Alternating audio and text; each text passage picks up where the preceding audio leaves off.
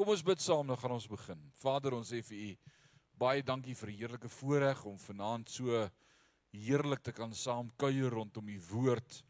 Ek wil vanaand bid, praat met ons o Heilige Gees. Maak hierdie teks vir ons oop. Ons kom soms by moeilike dinge wat Paulus geskryf het en ons verstaan nie altyd nie, maar maak ons harte vanaand ontvanklik en mag ons vanaand U woord inneem en dat die woord vanaand ons hart sal verander. Ons eer U daarvoor in Jesus naam. Amen en amen. 2 Korintiërs hoofstuk 6 en ons is vanaand by vers 14. 2 Korintiërs 6 vers 14. Die opskrif van daardie perakoop, julle weet wat is 'n perakoop, né? Wie weet wat is 'n perakoop?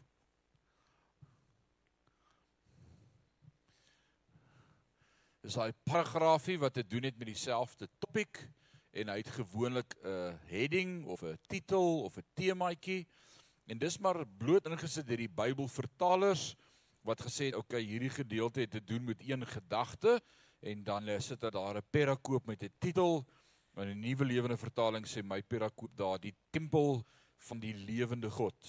Wie is die tempel van die lewende God? Ek en jy is die tempel van die Heilige Gees en van die Here. En net so twee hoofstukke terug het Paulus met ons gepraat en gesê, weet jy nie jy's 'n tempel van die Here nie. So vanaand hak hy aan by daardie gedagte en ons begin in vers 14 as hy vir ons sê moenie saamspan met ongelowiges nie. En dis die titel van vanaand se gedeelte.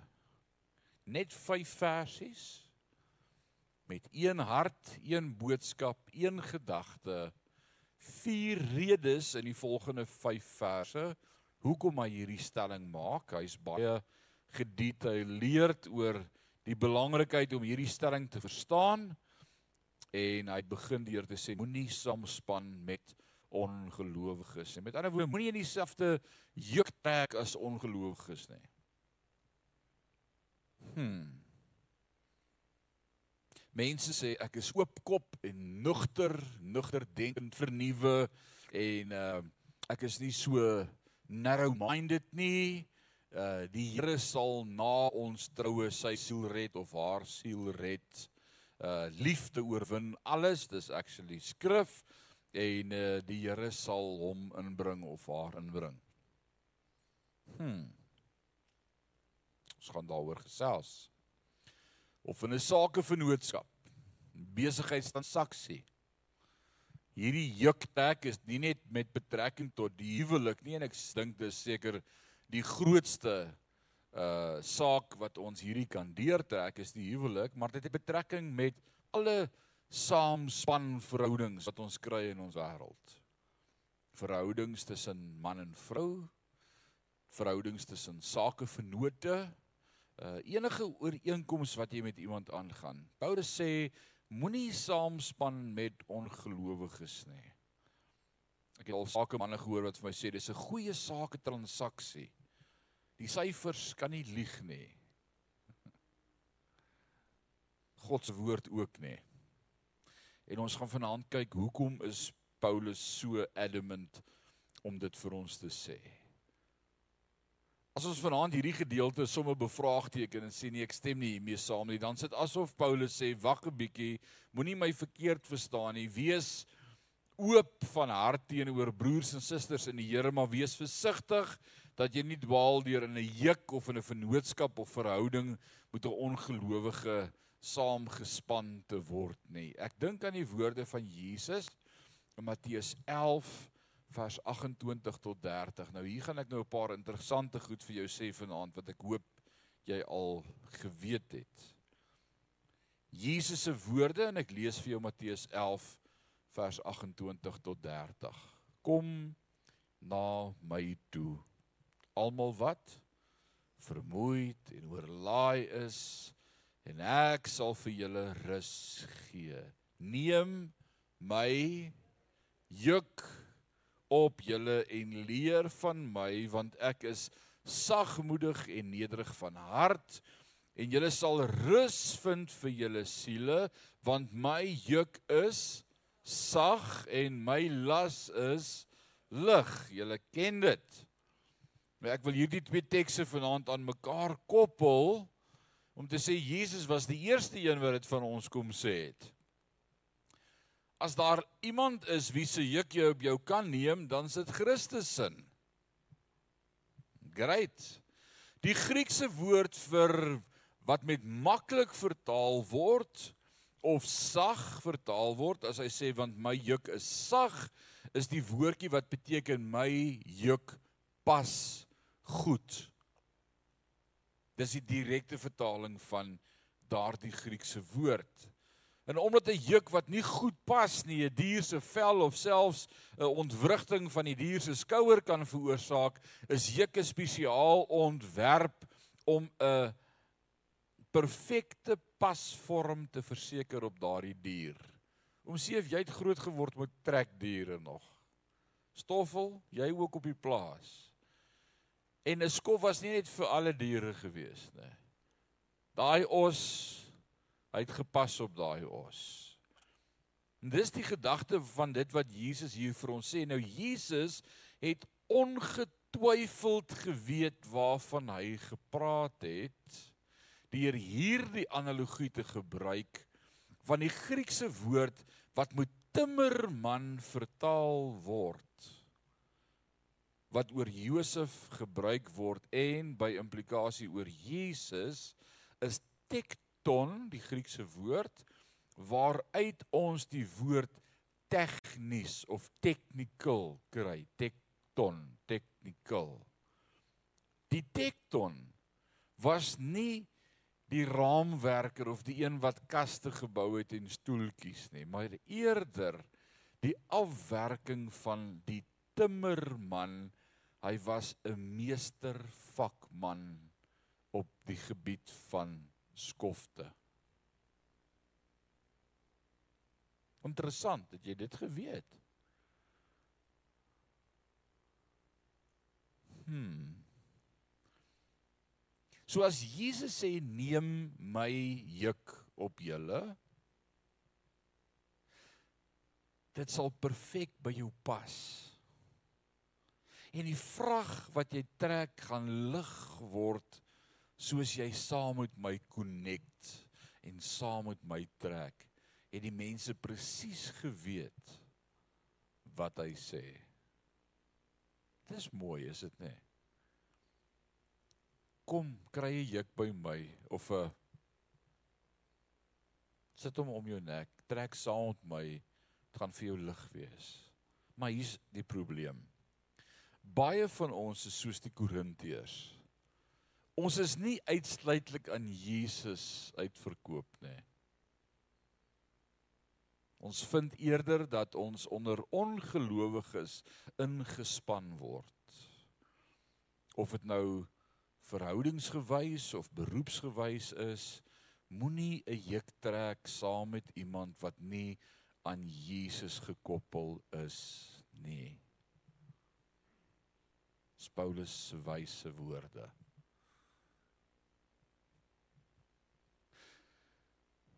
Oppas nou om die vers te gebruik om te regverdig dat jy jou vrou of jou man nou gaan los.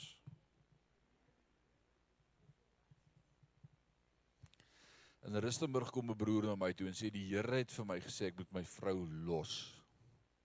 Die ma van sy 3 kinders. Ek sê ekskuus, wie die Here? Ek sê nie hoe het hy dit vir jou gesê? 2 Korintiërs 4 vers 16. Die Here sê ek kan nie saam met 'n ongelowige in die juk trek nie. Ek sê die Here het dit vir jou gesê voor jy getroud is al. Jy het hierdie perd opgesaal, nou ry jy vir hom. Die Here sê eens nie halfpad sy maand en hy sê o, nou kan jy uitklim nie. Daar's kerke wie se teologie van so aard geskryf is dat hulle vir hulle lidmate sê as jy saam met 'n ongelowige in die juk trek en hy of sy wil nie glo nie, skeiding kry klaar. Ek het nou die dag na hulle pastoraat gaan kyk. Al die pastore is geskeide mans. Hulle het 'n teologie gevorm wat pas by wat hulle wil glo. Oppas vir teologie. Daar's 'n skrif in die Bybel vir elke ding wat jy wil goedkeur. En dis nie die intensie gewees van die teks nie.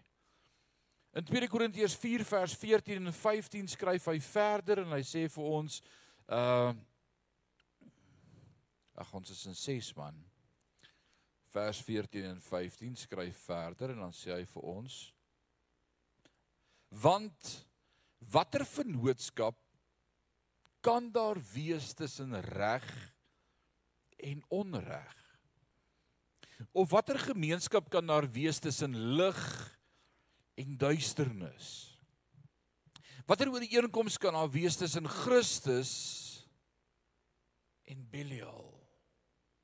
Of watter gemeenskaplikheid kan daar wees tussen 'n gelowige en 'n ongelowige? Hier's 'n groot waarheid ouens. Ons moet dit vir ons kinders leer en vir ons kleinkinders. Dis nie van na die troue gaan dinge regkom en verander nie. Nou kom ons wees net vanaand eerlik en groot genoeg. Wie van ons het eerstehandse of tweedehandse ondervinding van verhoudings wat nie gebou is op God se woord nie en waar dinge moeilik gegaan het? Maar nou nie nou jou hand opsteek en sê jy nie, maar ek bedoel as jy nou kinders het of 'n suster of 'n broer wat hierdeur is. As jy nou jou hand opsteek kry jy 'n mes in die ribbes. Maar ons weet waarvan die woord praat. Is dit nie so nie? Pas ons jonk is en wil ons dit nie glo nie. Nee, man, dinge gaan regkom. So die eerste rede en ons gaan vier redes vanaand noem uit hierdie teks uit en jy kan hulle neergriffel as jy wil. Anders sal ek hulle weer vir ons op die groep sit, bietjie notas as jy wil notas hê, dan vra julle my, dan sit ek dit op die groep. As jy nie op ons Logos WhatsApp groep is nie, stuur my 'n SMS en sê sit my asseblief op die groep. Uh dan sal ek laat jy ook die notas skryf. So die eerste rede waarom ons nie 'n ongelyke juk moet hê nie, is as gevolg van die aard van die gelowige. Die aard van die gelowige na wie aard ons? Wie se lewe is in ons? Wie het sy asem in ons geblaas? In wie woon die Heilige Gees? Hoe word ons gelei? Eerlik, hoe maak ons besigheidsbesluite? Op grond van ekonomiese syfers? Of die weer of 'n profeet of die media of word ons gelei deur die Heilige Gees? Wie van ons kan daarvan getuig dat die Heilige Gees al vir jou gesê het verkoop daai aandele of maak so of maak so en dan dink almal dis die domste besluit wat jy kan maak en die volgende dag dan wie het vir jou gesê jy moet dit doen? Those who are led by the Spirit shall be called the sons of God. En as jy iemand anders moet probeer oortuig wat nie verstaan van die Heilige Gees of van die Heilige Gees se stem nie, Jy's like dis terrible. As jy tussen 'n man en 'n vrou in 'n verhouding regtig die stem van die Here hoor en die Here sê maak so en jy met jou vrou deel en sê ek het gebid daaroor die Here sê ons moet so maak en sy sê jy's van jou trollie af. Ek gaan nêrens nie. Hoe red jy daai huwelik dan? Of gaan jy compromise en sê okay nee goed dan los ons dit maar. Ek dink aan 'n man en 'n vrou Sy naam was Lot. Lot en mevrou Lot. Lot is gelei deur die Heilige Gees. Hy het God se stem geken want God het met hom gepraat. Maar mevrou Lot wou nie hoor van Lot se stories nie. Lot sê God sê ons trek en ons kyk nie terug nie. Mevrou Lot sê: "Ag Lot, wat weet jy? Wat gaan terugkyk nou aan my verander?" Mevrou Lot staan nog op dieselfde plek. 'n Soutpilaar. Dis nie net 'n storie in die Bybel nie en daarom glo ek dat elke Ou Testamentiese storie wat vir ons gegee is, het 'n Nuwe Testamentiese beginsel. Hier's een van hulle, Lot en sy vrou. En ek kan vir jou 'n paar so opnoem. Kyk wat het met arme Samson gebeur. Samson en Delilah. Alles wat die oog begeer het was in Delilah. Die beste vir hom. Hy het op haar skoot aan die slaap geraak. Sy het sy goue lokkies gevryf. Die droomvrou. Die beste vir hom. Al die aandag en liefde gegee wat hy nodig gehad het. Net geweet watter knoppies om te druk. 'n Vrou so na sy hart. Sy het sy sig gekos en sy lewe. If you want to honor God, do it the godly way and he will honor you. Ek wag eerder 20 jaar vir die vrou wat die Here vir my stuur is wat ek die vrou kies wat ek wil hê en is die verkeerde een. Die lewe kan lank raak. Moenie nou amen sê. Nee, jy kan nie nou amen sê nie. maar jy weet waarvan ek praat. En hierdie waarheid moet ons vir ons kinders leer, ons familie en ons in ons kleinkinders om te sê daar's 'n weg wat vir die mens so reg lyk. Maar die uiteinde daarvan is die weë van die dood. Moenie saam met 'n ongelowige in dieselfde juk trek nie. Sekerlik ehm uh, so die eerste rede is die aard Nou ek hoor baie sê, "O, hy het 'n sterk karakter." Baie gelowig. Ek was sê baie gelowiges is wankelrag. En ek hoor dit baie keer by ons jong kinders. O, die wat kerk toe kom is so papbroeke. Ons soek 'n man. Daai ou is 'n man. Hy speel vir die eerste span rugby en hy dis nou 'n man. Hy's 'n man van inbors en uh hy het karakter. Hy sal regkom. Ek gaan hom by die Here uitkry. Trou ons net pastoor asseblief.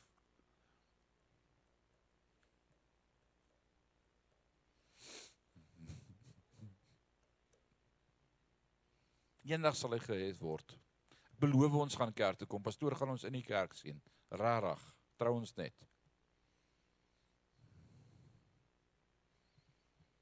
Ek wag nog vir hulle. Want na die huwelik staan klop ander dinge wat belangriker is as om die koninkryk te soek. As ek en my vrou nie voor ons troue saam die Here kan dien nie, gaan ons hom nie na ons troue saam dien nie. Sorry ouens as ek vanaand ernstig en eerlik geregheid is. Maar as die woord van die Here, ons kan nie dit omdraai nie. En ons is die getuienis daarvan as ons wil eerlik wees. Die van ons wat wil eerlik wees vanaand gaan sê, ja, dit is so. Baie sê sekerlik hy is nog nie gelowige nie, maar wat is dan nou die groot probleem? Ek sien soveel potensiaal in hom. O, as die Here hom beet kry, gaan hy 'n wonderlike Christen wees. Pastoor gaan net sien. Geen net kans. So trou ons net. Deuteronomium 22 vers 9 tot 11. Jy kan dit daar aan die kantlyn skryf by vers 15. Deuteronomium 22 vers 9 tot 11 sê: Moenie ander saad tussen die rye van jou wingerd plant nie. As jy dit doen, mag jy nie die druiwe van die wingerd of die opbrengs van daardie saad gebruik nie. Moenie ploeg met 'n bees en 'n donkie wat jy saam ingespan het nie. Moenie klere dra wat gemaak is van wol wat saam met linne gewewe is nie. Walter het vanmôre 'n ding gesê hier op die verhoog toe hy die groet gedoen het vir die gemeente. Toe sê hy hy's nou net deur die boek Exodus. Wie van julle het dit gehoor vanmôre? En hy sê hy kan nie verstaan al die goed wat die Here sê as die akedus in die water val kan jy hom uithaal maar dan is jy onrein tot die aand toe en as hy in die uh, dis hierdie klomp reëls en regulasies. Hier's hulle. Dis hoe dit klink. En wat dink julle is die doel daarvan dat God al hierdie dinge vir ons sê? Hoekom was dit so erg geweest vir God se volk vir Israel. Hoekom het hy so klomp reëls vir hulle gegee? Moenie ander saad tussen die rye van die wingerd plant nie, anders mag jy nie die druiwe eet van die opbrengs nie. Jy kan nie die saad gebruik nie. Moenie ploeg met 'n bees en 'n donkie saam nie. Moenie klere dra wat gemaak is van wol en van linne gewewe is nie. Hoekom dink julle het God hierdie erge klomp wette vir sy volk gegee? so that we will be separate and separated to come out amongst them, to be different, set aside with a higher calling. Ons meng nie. Meng jy met die semels? Die varke vreet jou op. Ons is anders. Paulus ryk terug na die Ou Testament en hy haal hierdie skrif uit en sê vir my en vir jou moenie in 'n ongelyke juk trek met ongelowiges nie. Dis eintlik waar hy die gedagte al vandaan kry. Is hier al die pad terug in Deuteronomium 22 en nou kom die Heilige Gees en hy maak Petrus se gedagtes helder. En een aand lees Petrus hier in Deuteronomium en die Here sê vir hom dis eintlik wat ek bedoel het. 'n Gelowige en 'n ongelowige kan nie in dieselfde juk trek nie. En hy sê ek het die openbaring. Nou word die Ou Testamentiese storie of wet of reël 'n openbaring. Dis 'n rema openbaring. Dis wat God se Gees doen. En nou deel Paulus dit. Paulus dit met ons. Moenie 'n ongelyke gejuk trek met ongelowiges nie. Dit sal nie werk nie want die aard van die gelowige en die ongelowige verskil. Ja, jy kom dalk great oor die weg maar in die pad sal jy pyn en onnodige hartseer beleef en ervaar. Praat er terug met 'n jong man en hy sê vir my nee, maar ons is nie so ernstig nie. Ek sê hoekom gaan julle dan uit? Nee, maar dit is nie mense wil nie alleen wees nie. Ek sê maar as julle gaan trou die dag gaan dit nie werk nie. Nee, nee, ons gaan nie trou nie. Ons is nie so ernstig nie. Net om 'n uh, 2 maande later vir my te kom sê ag pastoor, wil jy ons nie maar trou nie. Sy in bedoeling was aanvanklik nie om dit te trou nie, maar iets gebeur onbedoeld wat sy vermoë om duidelik te kan sien heelwat inperk. Uh hy word bedwelmd Ehm uh, en ek kan nie tel hoeveel mense ek al beraad het wat uit hulle huwelike wil kom as gevolg van hierdie einste kwessie nie. En dan sê ek sorry, voor God is dit 'n kommitment. Jy het commit vir die res van jou lewe. Nou bid jy vir genade en jy bid. Dan leer jy nou bid. Ek wil vanaand die vraag vra, hoeveel pyn en hartseer sou vir my geword het as ons hierdie eenvoudige opdrag ter harte geneem het en net geglo het vir wat dit sê. As die woord dit sê, dan is dit so. Wie het ons gemaak? God het ons gemaak. Hy is ons outeur. Hy weet seker die beste vir ons, doen hy nie, oom Leon? Ek dank die Here vir my vrou. Dit was die amazingste. Ons het mekaar hier in hierdie kerk by die tieners ontmoet goeie plek om jou vrou te ontmoet is by die kerk. Wat soek sy in die pub?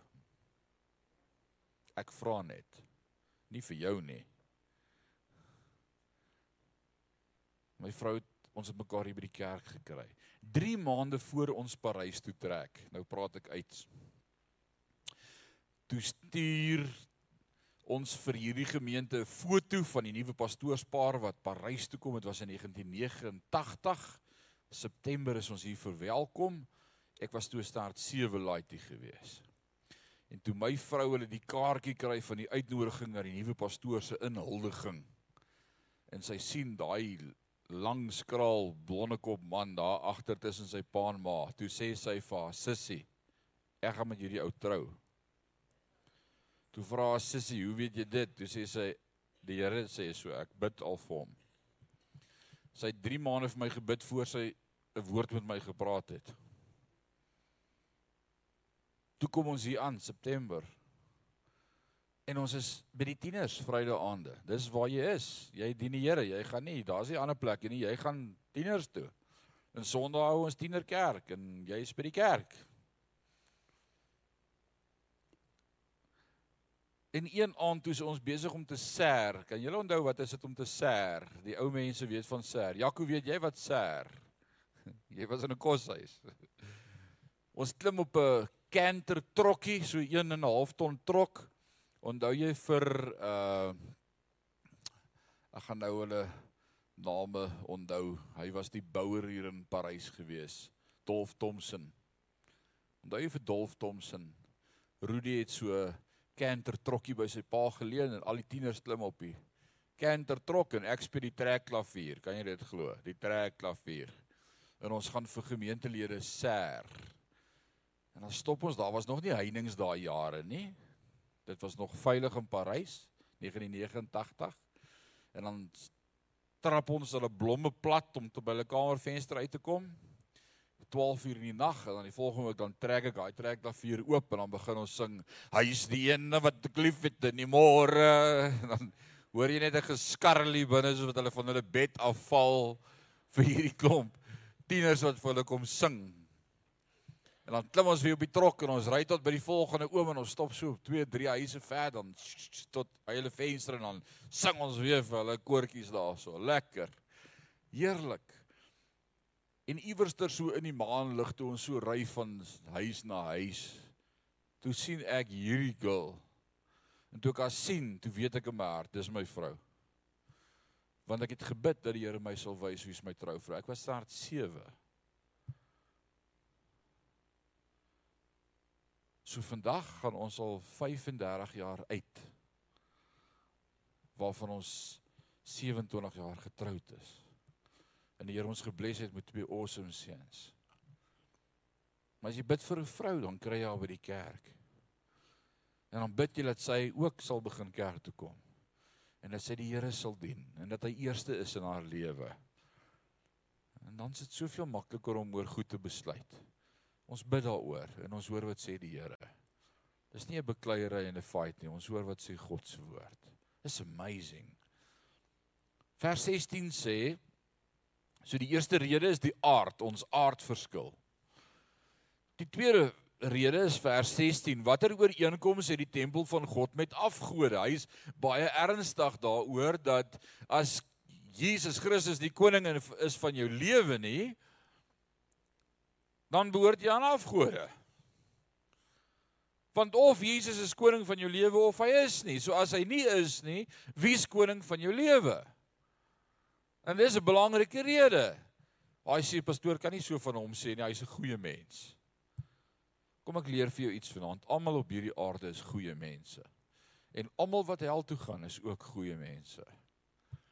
En die ou tannetjie daar onder in die straat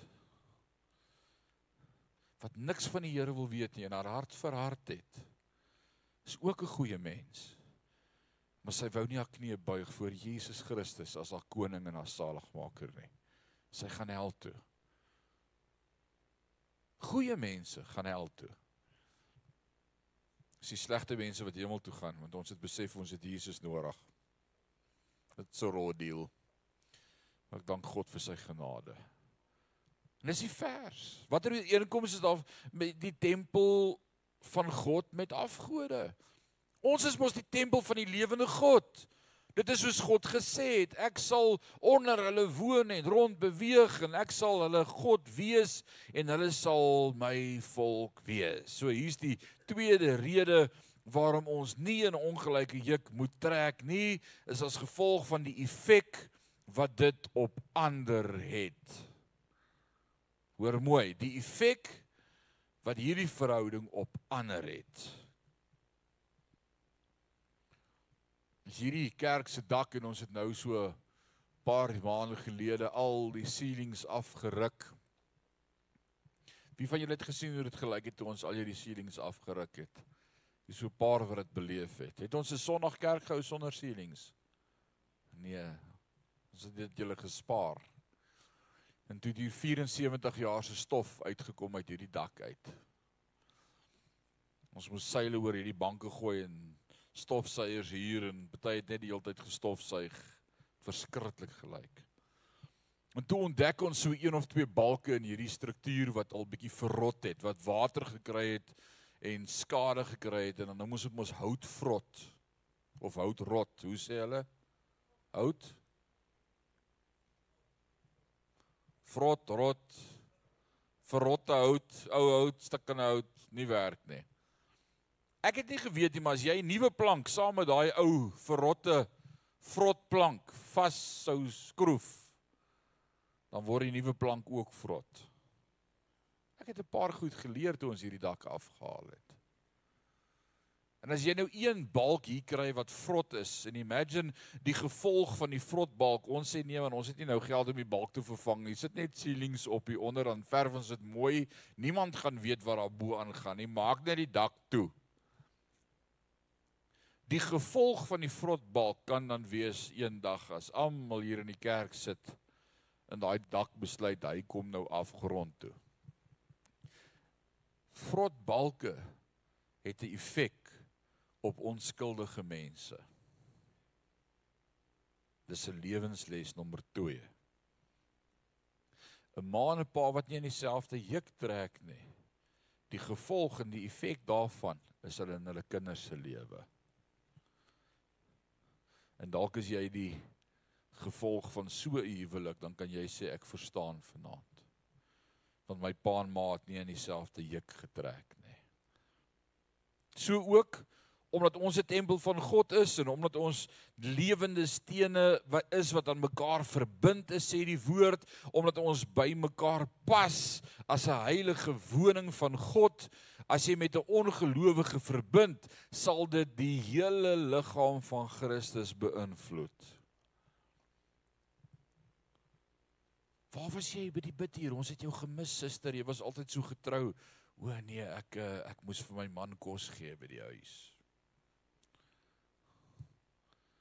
En skielik is jy nie meer deel van die samekoms van die heiliges nie en daar's afstand tussen jou en God se kerk en verkeerde keuses. Alraight.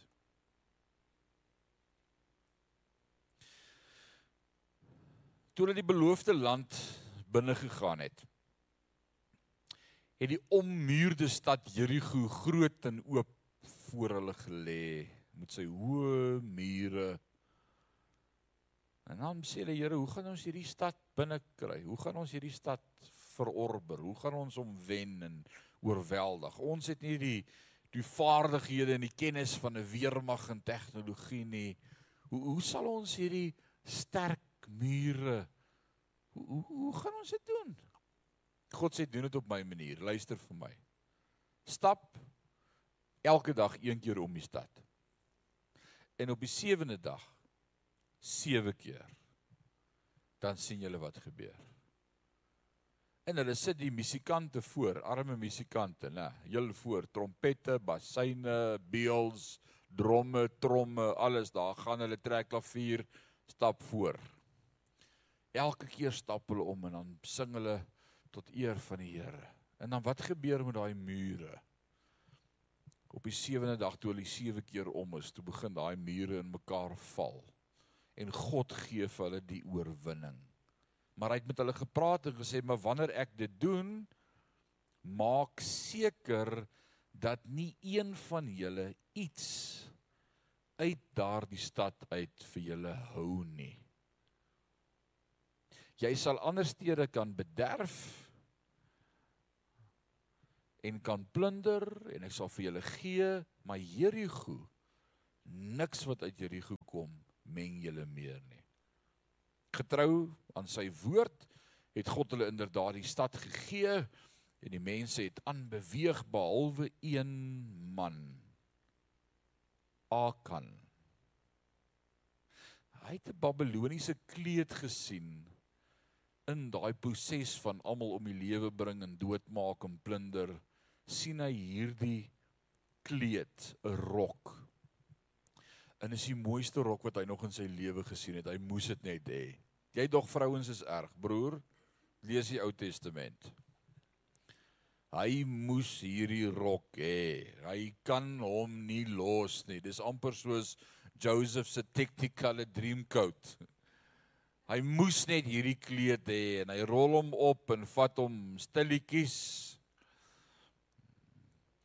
En onbewus o, En saam met die Babiloniese kleed is daar net toevallig toe nou 'n bietjie goud en silwer ook wat hy gevat het en in sy tent gaan wegsteek het. Onbewus van Akan se ongehoorsaamheid het die Israeliete voortgegaan om teen die staadjie Ai te veg. Klein staadjie Ai. Ai, dit was 'n klein staadjie. Ai toe verloor hulle op hulle neus gekry. Ai oorwin hulle en maak Israeliete dood en hulle delf die onder wat sê hulle? Delf die onderspit wat? Ja. Ja. En hulle kan dit nie glo nie. Joshua praat met die Here en sê Here, ai. Wat het nou hier gebeur? Dis die kleinste ou staadjie en ons weet nou al hoe om hierdie ding te doen. Wat het gebeur? En God sê ongehoorsaamheid. Iemand het gevat van die goed wat ek gesê het los. Daar's sonde in die kamp het die Here geantwoord. En Akan se sonde het die hele nasie geraak. Jou verkeerde keuse het effek op baie meer as net jy en jou vrou. 'n Kind in 'n huis se verkeerde besluit met 'n verkeerde man of 'n verkeerde vrou, verkeerde seun of dogter het 'n effek op die hele huis. Jy weet waarvan ek praat. Dit is hartseer. En daarom moet ons ons kinders leer om dit op God se manier te doen. Wanneer ons kies om die weg van die Here te ignoreer en te rebelleer en ongehoorsaam te wees, raak dit ons kinders, dit raak ons ouers, dit raak die kerk. Dit raak korporatief die hele gelowige gemeenskap. Dit raak die koninkryk. Hoe so? Hoe kan dit die koninkryk raak? Dis mos maar net my keuse. Dalk het God vir jou lewe heeltemal 'n ander plan. En hy wil jou eendag losmaak dat hy jou kan stuur en gebruik om nasies na hom toe te lei. En jou vrou gaan sê jy gaan nêrens nie. Jy moet my help die kinders grootmaak. Wie gaan jy dan kies? As jy God nou nie eers kan kies nie, hoe gaan jy hom dan kies? Dis 'n keuse. Vers 17, hier kom die derde rede.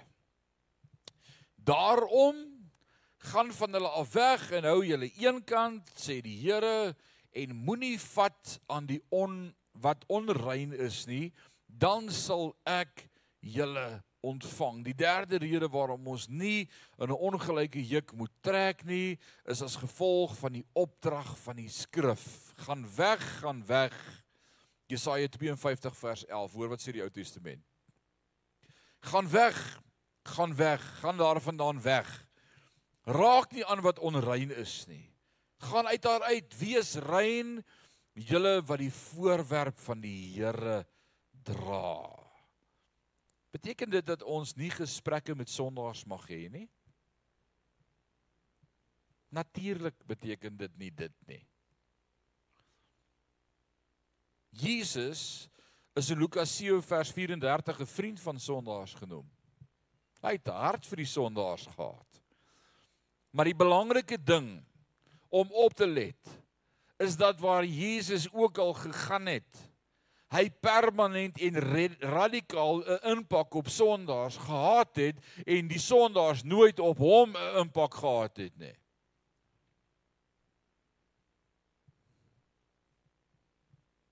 Dis nou raak dit al hoe stiller. Iemand vra vir my kan ek in 'n pub gaan sit en my Coke drink op 'n Vrydag aand. Ek sê jy kan. Ek weet nie hoekom wil jy nie, maar jy kan. Maar as die wêreld 'n invloed op jou gaan hê, of gaan jy 'n invloed op hulle hê? So gaan, drink jou Coke in die bar. En dan sê jy vir my die aand as jy daar uitstap, hoeveel het jy na die Here toe gelei? En dan sê jy na ruk vir my hoeveel op 'n Vrydag aand sit nou al in jou kringetjie en hou selgroep in die bar. En dan vertel jy my wanneer het die bar toegemaak en 'n kerk geword. Dan sê ek vir jou sit in die bar en drink jou Coke. Nee, ek gaan 'n cream soda drink dat almal kan sien ek drink nie. Ek wil my getuienis behou. Ek wil so graag tussen die vriende in die wêreld wees. Wie het invloed op wie? Ek vra net. Wie het invloed op wie? Jy het nie in 'n kroeg invloed op iemand anders nie. Jy het nie. Jy verloor jou getuienis. Dis al. Van Sondag kom daai ou kerk toe omdat hy die Here nodig het en as hy hier instap sien hy hier staan jy met jou hande in die lug en hy sien maar ek sien jou elke aand in die bar saam met my. Ek weet nie weet jy's 'n kerkmens nie. So die wêreld praat. Dis net wat die wêreld wil hê om hulle optrede te regverdig. Nee, maar Pieter saam met ons daar, so hy daar is dan se chap. Hy is mos 'n kerkmuis. As jy werklike impak het op die plek waarin jy is, great. Maar as die plek jou beïnvloed en jou eie gees laat sak, klim daar uit. Trek weg, breek bande daarmee. Is nie goed vir jou nie. Ja, maar ek se volwasse in die Here. Ek is sterk in die Here. Ek sal nie laat dit my onderkry nie. Samson het ook so gesê. Samson het ook gesê, ek is sterk in die Here. Ek is die sterkste. Dit sal my nie onderkry nie.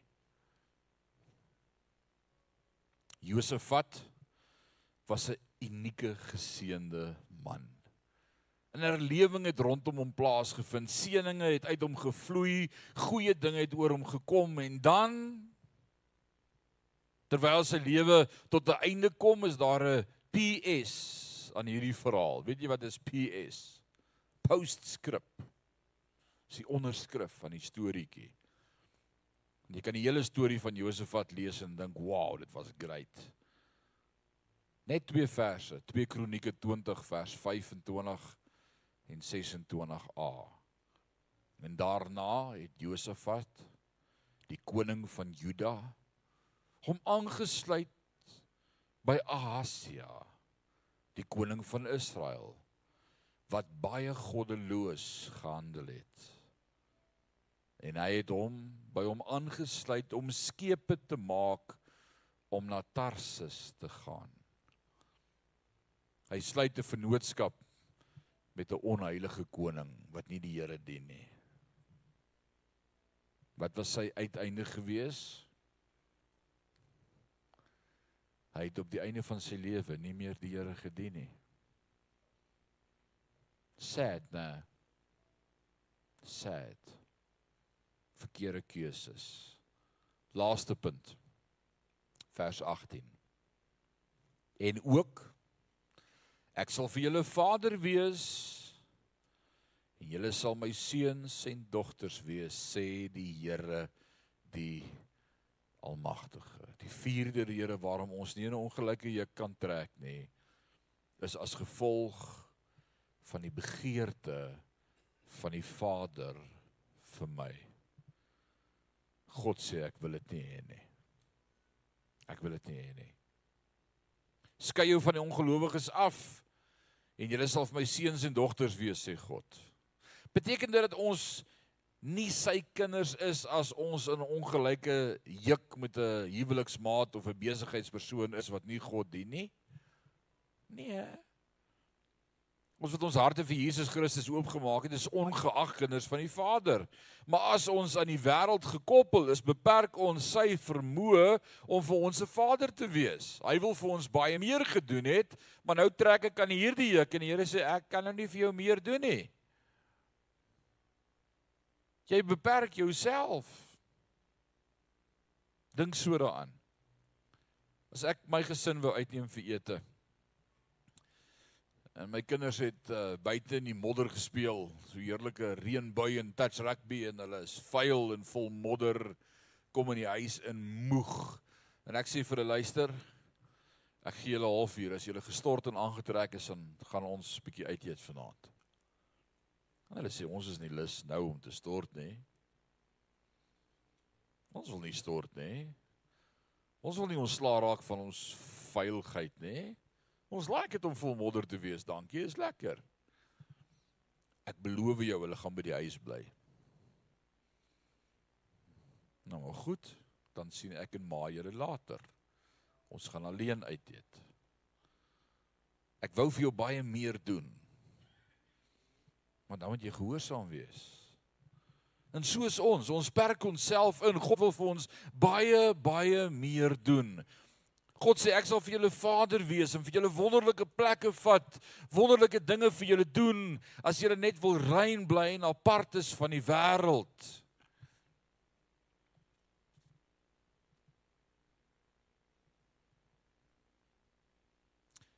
En dan beperk ons onsself so met dit wat God vir ons kan doen omdat ons nie gehoorsaam is aan sy woord nie.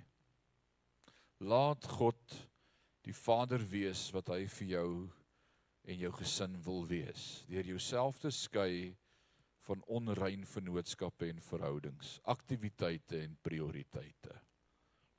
En soos jy dit doen, moet jy ook nooit die juk wat hy gedra het uit die oog verloor nie toe hy in die persoon van Jesus Christus die kruis gedra het waarop sy bloed gestort is vir my en vir jou. Dit was sy prys om vir my te kan sê ek wil jou seën. Sy juk was die kruis. Dit het sy lewe gekos. Dink jy hierdie is 'n stuk vyf versies, vyf versies in die Bybel, hè? Vyf versies. Ek wens ons kan dit vir ons kinders inbrand terwyl daar nog tyd is voordat hulle verkeerde keuses maak. Wens ons kan dit vir ons kleinkinders leer. Wens ons kan ons ek wens ek kan by die skool 'n uur kry om met die tieners te praat oor die regte keuses. Maar dit sal nie help nie want ek moet eers begin met die eerste sessie, gee jou hart en lewe vir Jesus Christus. Want hulle het God nodig. O, ons kinders het die Here nodig. En as gemeente bid ons vir ons skole en ons bid vir ons onderwysers en ons bid dat hulle God sal vind. O, hulle die Here nodig. Hulle die Here nodig. Iemand sê nou dag vir my nou, ek het klaar my verkeerde keuse gemaak. Ek trek nou aan hierdie juk. Wat moet ek nou doen? sê ek nou sê vir die Here dankie vir genade. En jy wees vir daai persoon lief. Want nou Petrus skryf daaroor en Paulus het in 1 Korintiërs geskryf en dan sê hy van wie jou geloof sal jou vrou en jou man ook gered word. Dien jy dan net die Here? Dink aan 1 Petrus 3 wat die wat Petrus vir die vrou skryf wat 'n gelowige vrou is maar 'n ongelowige man het, dan sê hy: "Wees jy net stil en praat min en jou lewe sal vir jou man wys wie God is en jy gaan hom sonder woorde wen vir die Here." Maar nie wil uitklim uit hierdie verhouding uit, né? Mens maak nie 'n verkeerde besluit reg met nog 'n verkeerde besluit nie. Dis nou waar God se genade vir jou genoeg is. And this amazing. God se genade is vir elkeen van ons genoeg. Mag ons jong mense hier uit leer as dit kom by besigheid en beginsels, kom ons leer hier uit. Dis God se woord, dit staan vas. En hier's van ons wat vanaand kan sê ons ken die blessing daarvan om te luister wat God se woord sê.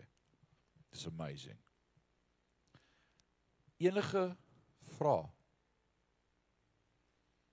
Leon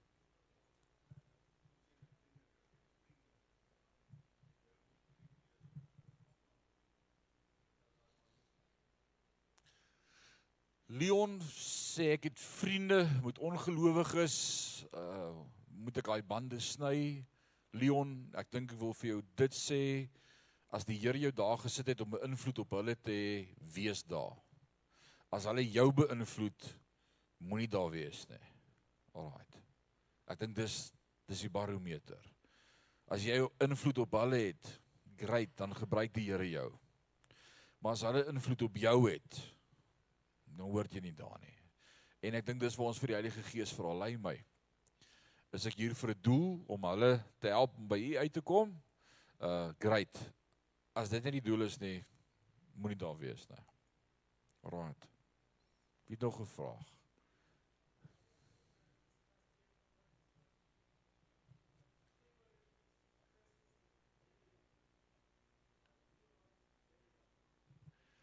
Baal, dis 'n afgod, Belia, Dis die afgod wat aanbid word. So God sê ek jy's of die lewende God of jy's besig met 'n afgod.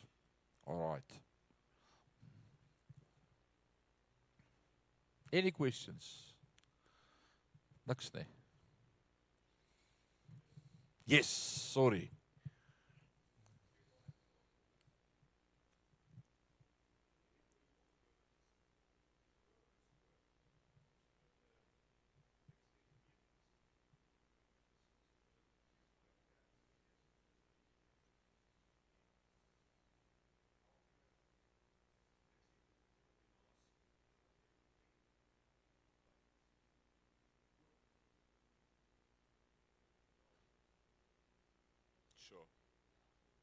Sure. I so much agree with what you say. That doctrine, the wrong belief of the Word of God, can also be a false God in my life. Pas op vir die doktrine. Verke uh, the wrong belief, it's a stronghold. That's what it's called in the Word. Now, and therefore the Word says the Word of God, uh, the woord van die Here is 'n tweesnydende swaard en kragtig om vestings neer te werp. A stronghold is it's a wrong belief system. It's the it's a wrong perspective regarding the word of God. That's a stronghold, a vesting. As ek glo God is 'n kwaai God wat my pak gee as ek verkeerd is en hy hou nie van my nie en ek moet net koets die hele dag vir vir God wat kwaai is en sy wraak op my, sy toorn op my wil uitstuur. Is is dit wie God is? Dis 'n stronghold, dis 'n vesting. En selfs wanneer ek dan met so iemand in 'n verhouding trek wat verkeerde beliefs het rondom God se woord, dis 'n stronghold. So dan moet ons of bid en daai ou help om by die Here uit te kom. Net die Here kan so ou losmaak. Maar dis ook waar. Dis ook waar. Pas op vir dit. It's not the same yoke. We're not equally yoked. Amen. Gaan ek vir ons bid. Kom ons bid saam. Vader, dankie vir u woord. Ek wens ons kon ons u woord verstaan het toe ons jonk was voor ons foute gemaak het. Voor ons gehuil het en voor ons berou gehad het oor dinge waaraan ons onsself begewe het. Maar dankie dat u genade vir ons genoeg is. En dankie dat u met ons is en dankie dat u ons daardeur help en ons wil vanaand hierdie waarheid ook vir die vertel wat nodig het om dit te hoor. Dis u woord ons het dit nie vanaand opgedis nie. Dis uit u woord uit en ons verstaan dit.